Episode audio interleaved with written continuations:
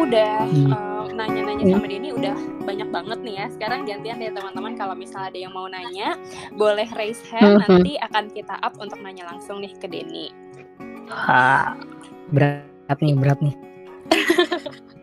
eh, BTW ini di kolom chat uh, juga udah ada yang nanya. Oh, ini ada satu nih yang uh, yang raise hand. Ada Konita. Itu yang raise hand. Uh, mm -mm, boleh di open mic? Halo Konita.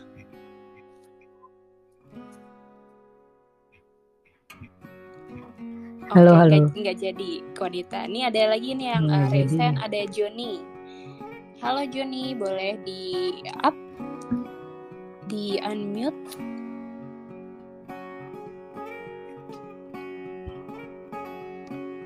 Halo Joni. Jangan malu-malu, di open aja mic-nya. Halo Joni. Oke, Joni sudah bisa belum? Joni tergabung. Joni udah dianut, tinggal ngomong Don. Jon.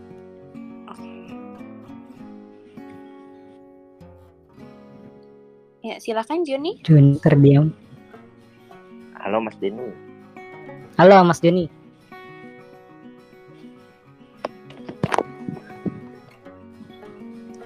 Halo, halo. Halo, aku mau nanya, boleh nggak? Loh, iya iya, boleh banget.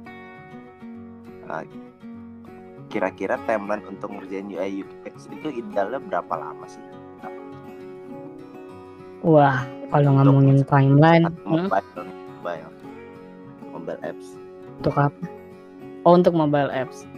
Hmm. Timeline sebenarnya uh, kalau aku bilang sih tergantung gitu ya Mas Mas Joni uh, tergantung scope kerja yang kita kita bakalan ambil gitu atau yang kita bakalan kerjain. Uh, sebenarnya kayak dipastiin dulu gitu sih scope kerjanya tuh bakalan uh, kayak apa terus uh, fiturnya tuh bakalan kayak gimana. Uh, kalau terus ya, ya terus uh, dari segi kesulitan juga seperti apa. Soalnya kalau misalkan ku state bilang biasa itu dua minggu gitu. Tapi setelah pas ngerjain dengan yang tadi Mas Juni bilang uh, aplikasi yang sama gitu ya uh, ternyata skopnya tuh luas banget gitu. Jadi nggak nggak nggak sesuai gitu. Jadi menurutku sih kalau skop kerja bisa coba dicari tahu ini dulu sih kayak spesifikasinya kayak apa coba didalemin dulu. Nah, baru tuh dari situ uh, bisa ketahuan sih kayak misalkan dua minggu satu bulan misalkan gitu. Tapi kalau misalkan kita uh, ngeliat kalau kita ngelihat misalkan di salah satu uh, apa ya kayak metode gitu kayak di di Scrum misalkan ya kita bisa ngambil uh, satu sprint satu sprint itu uh, biasanya kayak dua minggu sampai satu bulan. Nah dalam dua minggu itu sekiranya bisa di Uber nggak tuh apa namanya dengan spesifikasi yang ada dengan skop kerja yang ada dua minggu bisa dua minggu tiga minggu atau bisa bahkan empat minggu sebenarnya itu semua kayak tergantung dari ininya sih tergantung dari uh, project description-nya kayak gimana. Hmm. Gimana Mas Joni sudah cukup menjawab? Berarti sebulan lah ya? Uh, aku belum Berarti bisa ngepastiin. Ya, Mas Dem. Ya antara mungkin mungkin kalau misalkan yang uh, gampang banget gitu, ya kita nggak bisa stay langsung dua minggu. Udah jadi sebulan jadi tapi tergantung dari ini sih mas. Tergantung dari uh, scope kerjanya kayak gimana dulu. Itu baru kayak... baru bisa bisa bisa ditentuin tuh bareng-bareng. Biasanya bareng-bareng nggak cuma satu posisi doang nih yang nentuin uh, bosnya doang nentuin. Lo harus bisa kerjain seminggu ya misalkan. Tapi biasanya tuh kayak uh, lebih lebih demokrasi lah biasanya timeline tuh ya uh, disesuaikan dulu uh, poin-poin yang bakalan dikerjain tuh apa-apa aja terus uh, fiturnya itu apa aja. Nah, setelah itu semua dapat, udah dapat semua nih uh, si UI UX designer dan uh, tadi misalkan PM atau bosnya gitu ya, itu baru bisa nentuin tuh baru, baru bisa nentuin oke okay, ini bakalan jalan uh, selama uh, sebulan misalkan selama dua minggu. Tapi kalau misalkan tadi scope yang Mas Joni ceritain aku sih belum berani bilang idealnya dua minggu gitu. Itu itu nggak berani bilang gitu sih Oh, terus berarti UI UX itu sama dengan bisnis analis nggak sih? Sama sistem analis soalnya kan berarti dia interaksi Mhm. dengan stakeholder masing-masing kan? Mhm. Uh, sebenarnya beda beda hal sih mas. Kalau bisnis analis itu kan uh, lebih teknikal dan ada ya bermain dengan banyak hitung-hitungan gitu kan. Sedangkan kalau UX designer benar-benar fokusnya ke usability-nya aja buat buat nyari tahu nih uh, pain point atau yang paling uh, user sebelin gitu ya ketika ketika pakai aplikasi kita itu kan itu kan kita bakalan ngelihat dari sisi bisnisnya juga kan. Kalau misalkan kita bikin uh, A flow-nya A ini bakalan impact ke bisnisnya. Uh, kita harus harus ngobrol nih ke tim bisnis analisnya misalkan atau ke tim bisnis developmentnya ke tim marketing atau sales gitu. Tapi nggak nggak bisa dibilang sama juga sih dengan tim bisnis analis Oh gitu. Kalau yang Iya. aku lihat berarti gini ya Gitu. Din ya, kayak Hmm. kalau punya bisnis mindset gitu ya, bisa analisis bisnis itu bagus gitu, tapi eh, ini berbeda dan Betul. justru nanti mungkin akan kerjasama gitu sama tim bisnisnya gitu.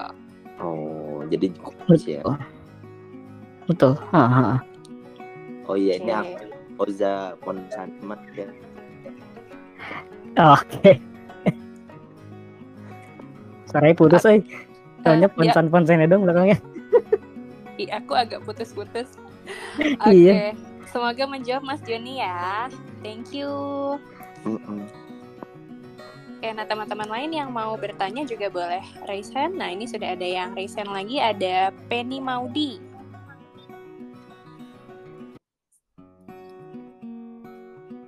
Halo, Penny.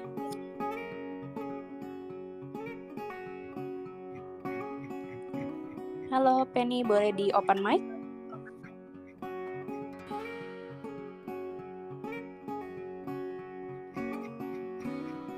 Halo. halo Sambil Oke, eh, sambil nunggu yang raise hand lagi, ini di kolom chat ada yang bertanya nih teman-teman kalau eh, malu gitu ya di kolom chat juga nggak apa-apa nanya pertanyaannya nanti kita akan bacain juga yang dari kolom chat. Eh, yang di kolom chat ada pertanyaan nih, eh, biasanya kak kalau UI itu fiturnya biasanya meliputi apa aja sih? hmm fiturnya Mm-mm. Oke, ini mesti dalamin lagi nih maksud fiturnya tuh apa ya? Nah ini berhubung chat nggak ada penjelasannya lebih detail. nih. iya, eh, mungkin yang masih tadi belum nanya ini sini boleh. Atau mungkin fiturnya itu masih belum tahu nih. Hmm, ini aku mencoba pakai kacamata awam ya karena kan aku juga awam nih Mhm. di UI UX gitu. Mungkin kayak eh, fitur-fitur apa sih yang biasanya tuh didesain sama UI designer gitu? Oh, kalau fitur-fitur eh, biasanya balik lagi sih itu eh, tergantung dari ini ya eh, apa permintaan si stakeholder kayak PM atau si level atau eh, siapa pun yang jadi stakeholder kita. Eh, misalkan kayak eh, red hailing dengan eh, aplikasi aplikasi buat apa ya buat eh, job recruiter itu kan beda kan. Itu kayak red hailing misalkan fiturnya bisa buat eh, fitur apa namanya eh, cari driver, fitur eh, apa namanya buat buat cari makanan terus buat nganter barang. Nah, itu kan itu masih ke salah satu fitur kan. Terus kalau tadi aplikasi recruiter misalkan kita upload CV kayak gimana itu kan masuk ke salah satu fitur. Tapi kalau dibilang UI itu fiturnya apa aja meliputi apa aja ini masih belum ini sini masih belum apa ya. Masih perlu diperjelas nih maksud fiturnya. Mungkin apa scope kerjanya gitu ya atau atau apa namanya eh, yang dikerjain apa aja mungkin ya Hmm, oke oke. Jadi itu kalau aku tangkap balik lagi sebenarnya ke tujuan tadi aplikasi atau websitenya mau ada fitur apa aja baru nanti si UI designer ini eh, yang bikin desainnya gitu ya. iya eh, terus eh, scope-nya itu bisa kalau UI design itu scope-nya buat ini sih mungkin ini salah satu ini juga kayak mudah-mudahan masuk sih sama pertanyaannya Eh, masuk ke ininya ke eh, apa namanya tipografinya pemilihan font warna susunan layoutnya udah eh, udah cukup enak dilihat atau enggak gitu. Terus udah udah udah lebih mudah atau enggak nih kalau misalkan orang ngeklik button A nih gampang atau enggak kayak gitu, gitu sih. Nah itu mungkin bisa jadi salah satu reference juga tuh. Oke, nah ini pertanyaan berikutnya, um, Kak, menurut Kakak dalam startup antara UI designer dan UX designer itu lebih baik dipisah role-nya atau lebih baik digabung jadi satu ya seperti UI UX designer? Mungkin uh, tadi pertanyaannya lebih bagus mana, eh lebih baik mana, sama mungkin dari Denny ada uh, pertimbangan kayak plus minusnya apa sih kalau digabung ataupun dipisah gitu? Iya, kalau digabung uh, bagusnya mungkin buat uh, buat perusahaan-perusahaan yang baru ya, startup yang misalkan masih baru baru mulai uh, itu bagusnya memang digabung. Uh, digabung dulu UI dan UX design. Tapi kalau misalkan udah mulai uh, masalahnya udah mulai kelihatan nih, maksudnya dari masalah yang dihadepin ya, kayak misalkan uh, dari segi uh, behavior usernya nih yang berubah atau gimana, terus kita kayaknya perlu perlu waktu untuk ke research. Nah itu baiknya sih kalau misalkan udah nemuin masalah-masalah kayak gitu tuh baiknya dipisah uh, ada yang ada yang handle uh, fokus di UX-nya uh, bisa research bisa desain uh, yang kedua uh, di UI desainnya. Jadi benar-benar si UI design ini fokus buat uh, pixel perfect kayak gitu. Buat uh, ngedesain buat pixel perfect kayak gitu sih buat misalkan iconnya buat uh, fontnya buat uh, komposisi warna dan lain-lain. Hmm, gitu. Oke, okay. berarti itu tadi tergantung uh, maturity dari perusahaannya, seberapa startup atau mungkin dia udah lebih besar dan seberapa seberapa kompleks kerjaannya gitu ya. Iya, yeah, ini kayaknya gue tahu nih yang nanya nih. bisa lihat di ini juga bisa oh, lihat yeah. di chat juga kok dan. Iya. Yeah. mungkin ini udah mungkin ini udah praktisi, jadi uh, udah lebih spesifik nih pertanyaannya. Iya. Yeah. Okay. Ya gue malu nih jawabnya nggak tahu mudah-mudahan bener ya mudah-mudahan sesuai sih sama apa yang diharapkan. Ya justru kan kita di sini ini uh, pengen tahu perspektif uh, mungkin dari yeah. teman-teman juga kalau misalnya ada punya perspektif yang uh, beda atau yang uh, sama gitu ya yang emang udah yeah. terjun di bidang UI UX boleh banget uh, drop uh, drop komen di kolom chat ya. Nanti kita bisa yep. diskusi mm -hmm. bareng. Oke, nah terus uh, ada pertanyaan nih untuk lulusan SMK jurusan bisnis tapi ingin belajar UI UX, kira-kira ada recommended uh, webinar atau channel YouTube yang kita bisa belajar ot uh, otodidak nggak ya tentang UI UX? Oh banyak banget sih. Uh, yang rekomendasi mungkin yang di yang di Indo dulu kali ya, yang di lokal dulu uh, itu kalau di itu tuh ada Halo Designer. Halo Designer itu uh, yang punya Mas Wasil di dia, dia dia salah satu produk desain juga di sekarang biasa di Singapura gitu. Dia sering share itu share, uh, share kayak buku-buku tentang UX uh, atau dia dia dia punya punya kayak salah satu uh, buku digital gitu sih namanya petunjuk UX. Nah itu benar-benar diajarin dari nol banget sampai uh, sampai dia tahu sampai tahu industri uh, eh, UX design itu kayak gimana.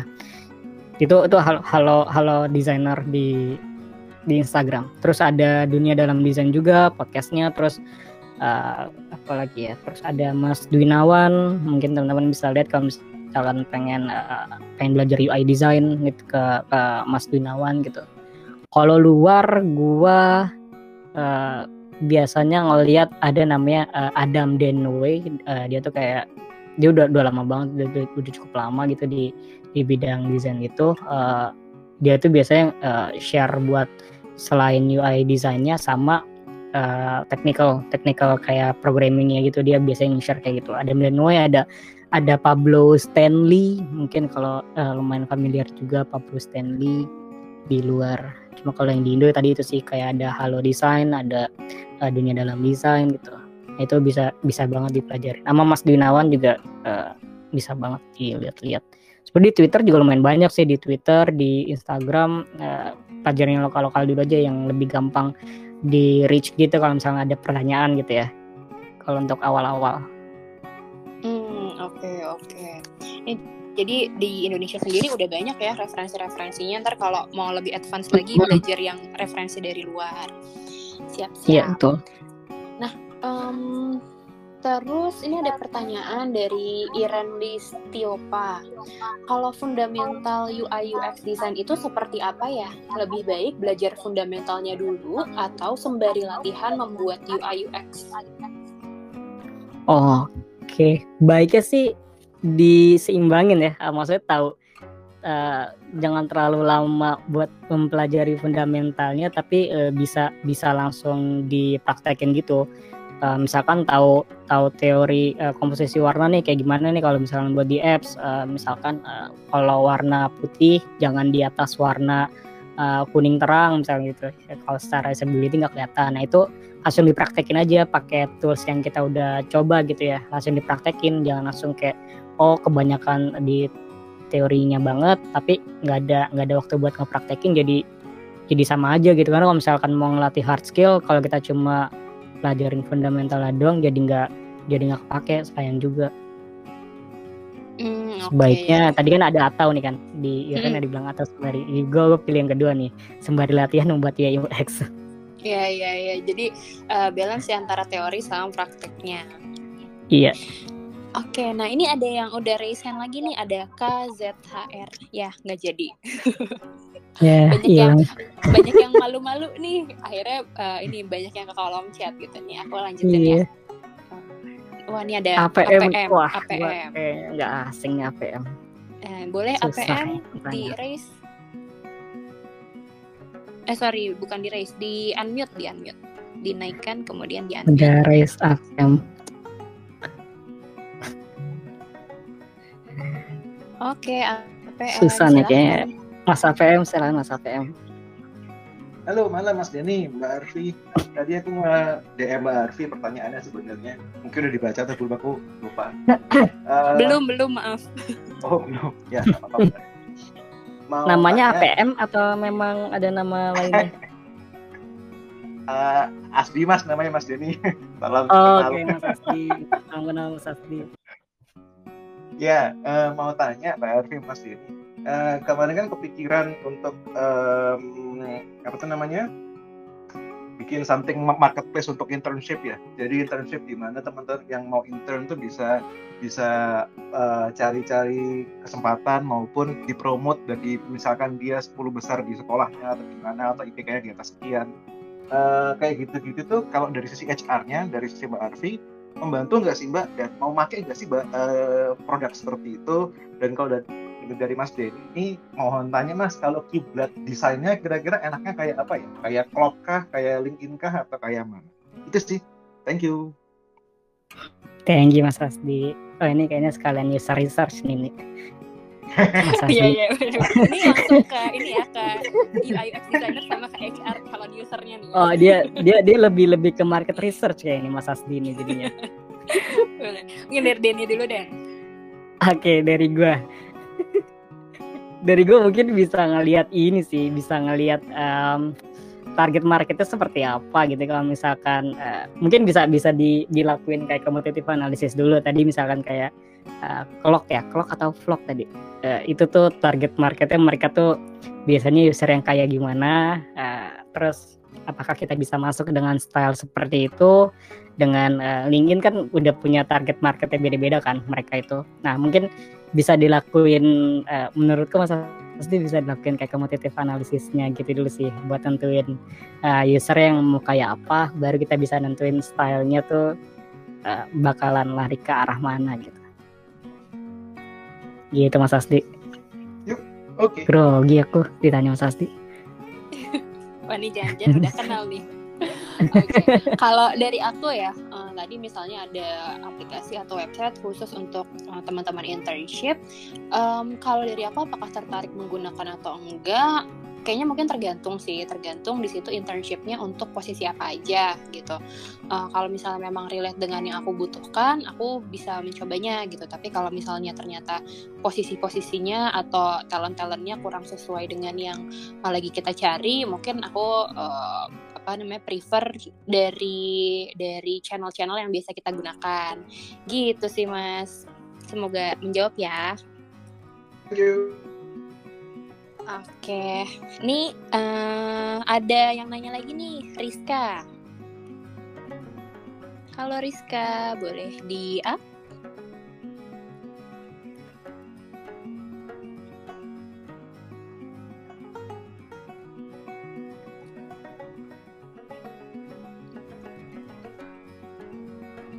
Oke, teman tabul eh, admin tabula mungkin boleh bantu di up Rizka.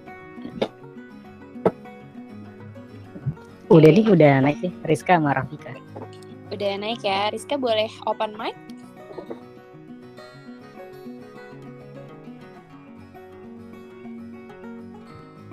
Halo Rizka.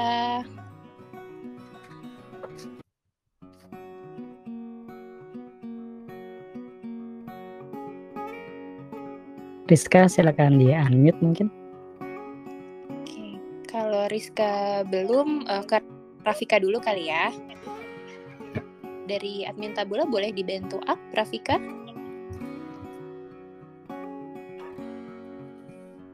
Halo Rafika.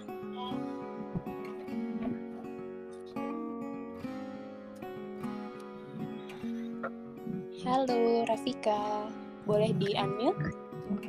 Rafika atau Rizka nih ya. Oke, sambil nunggu Rizka atau Rafika, ini kita lanjut yang di kolom chat dulu aja ya. Siap. Oke, ini ada yang nanya nih, Kak, ada nggak sih hubungannya jurusan DKV dengan UI UX designer? Oh, Oke. Ada sih, ada ada ada banget justru menurut gua. Uh, DKV itu kan belajar itu ya, tadi belajar uh, komposisi warna, belajar uh, tipografi gitu, cara milih tipografi yang bagus uh, sesuai desainnya. Nah, itu itu bakalan kepake banget sih di role UI dan UX design itu. Mm. Terus uh, gimana cara gimana dia present present Halo, uh, gimana gimana cara dia present desainnya kayak apa gitu. Itu kan itu kan pasti anak-anak di kafe itu sering tuh uh, present design terus uh, misalkan bikin bikin mock up biasanya buat uh, misalkan buat printing gitu ya buat uh, desain cetak dan lain-lain itu kan pasti harus di present gitu gitu kan. Nah itu yang soft skill dan hard skillnya gitu itu kepake banget sih. Terus uh, kalau dari hard skill kalau misalkan biasanya si DKV pakainya Photoshop atau Illustrator ketika dia pindah ke tools untuk uh, yang fokus ke UI design gitu ya tadi misalkan ada Figma ada Adobe XD ada uh, ya Figma sama XD sama Sketch misalkan. Itu tuh semuanya tuh nggak nggak nggak jauh berbeda gitu. Mulai dari shortcutnya dari uh, logiknya. Uh, kalau kita biasa pakai Illustrator pindah ke tools itu biasanya nggak nggak susah buat uh, ininya buat apa namanya uh, shiftingnya buat transisinya gitu. Buat transisinya nggak nggak nggak terlalu susah. Itu sebenarnya udah udah punya modal kuat banget sih kalau yang dari DKV. Hmm, oke okay, oke. Okay. Ini ibaratnya kalau kata di ini tadi colong start ya dari DKV iya. bisa colong start. Oke, wah ini udah nggak kerasa nih Dan, udah jam 8 uh, Seru banget ya dari tadi ngobrol-ngobrol ya. gak berasa kayak udah satu jam gitu uh, Nanti kalau misalnya teman-teman iya. masih ada pertanyaan Mungkin boleh kontak Denny nih tadi di kolom chat juga sudah di drop uh, Kira-kira kalau mau kontak Denny ke mana uh, Dan sebelum kita tutup nih, ada pesan nggak untuk teman-teman yang tertarik untuk memulai profesi di bidang ini? yang uh, pesan palingan ini uh, terus terus kepo terus uh, nyari tahu gitu ya. Uh, kalau misalkan melihat sesuatu desain yang bagus menurut teman-teman itu jangan cuma kayak lewat doang gitu misalkan uh, ngeliat nyobain salah satu app salah satu web wah ini bagus banget nih. Uh, jangan cuma lewat cuma sekedar bagus tapi uh, mungkin coba bisa dicatat yang bagusnya itu apa gitu. Misalkan uh, oh cara dia uh, message dia nih nyampein ke user itu bagus oke. Okay uh, cara nyampein berarti nanti kayak gini. Terus uh, shadownya misalkan kalau dari segi UI-nya shadownya nih tipis cakep warna komposisi suaranya cakep. Nah itu coba dicatat poin-poin yang bagus-bagusnya. Jangan cuma ngelihat bagus uh, tapi lewat itu doang. Terus uh, ya coba banyak nyatet banyak uh, belajarin juga hal-hal di luar sana. Terus uh, lebih lebih kritis sih kalau ngeliat sesuatu. Misalkan kayak uh, kita ngelihat uh, apa ya kayak misalnya antrian vaksin lah gitu misalkan. Antrian vaksin ini uh, kan misalkan ya banyak banyak uh, pengalaman dari orang-orang kan. Uh, kita bisa bisa cari tahu tuh uh, cara yang flow lebih baik baiknya tuh biar lebih gampang tuh kayak gimana nih misalkan. Oh harus harus uh, A dulu harus B dulu harus C dulu. Nah, itu mungkin bisa lebih uh, kritis lagi dalam berpikir uh, terus kepo terus kritis dalam berpikir sama uh, ikut-ikut kayak webinar sama ini nih sama Tabula Talks misalkan kan buat buat networking, buat uh, apa namanya, buat pelajarin uh, dari dari UI dan UX design dari perspektif orang-orang lain gitu. Nah itu itu bisa terus dikembangin sih. Ah, menarik, menarik. Jadi kalau lihat sesuatu yang bagus bukan cuma oh ya oke bagus, tapi juga kita pelajarin dari situ apa yang udah bagus gitu ya. Iya. Yep. Siap, siap. Gitu. Oke, Dev, thank you banget nih ngobrol-ngobrolnya nih. Abis pulang kerja Iya. nih pasti uh, waktunya istirahat, tapi mau berbagi sama kita di sini. Thank you banget nih.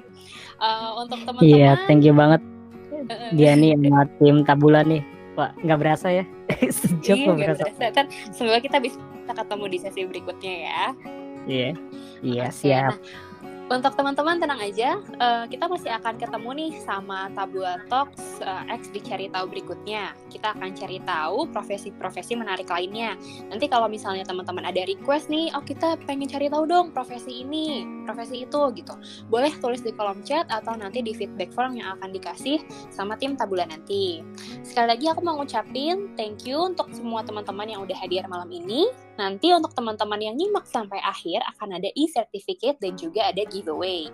Untuk informasi lebih lanjut soal e-certificate dan giveaway-nya bisa dilihat di kolom chat ya.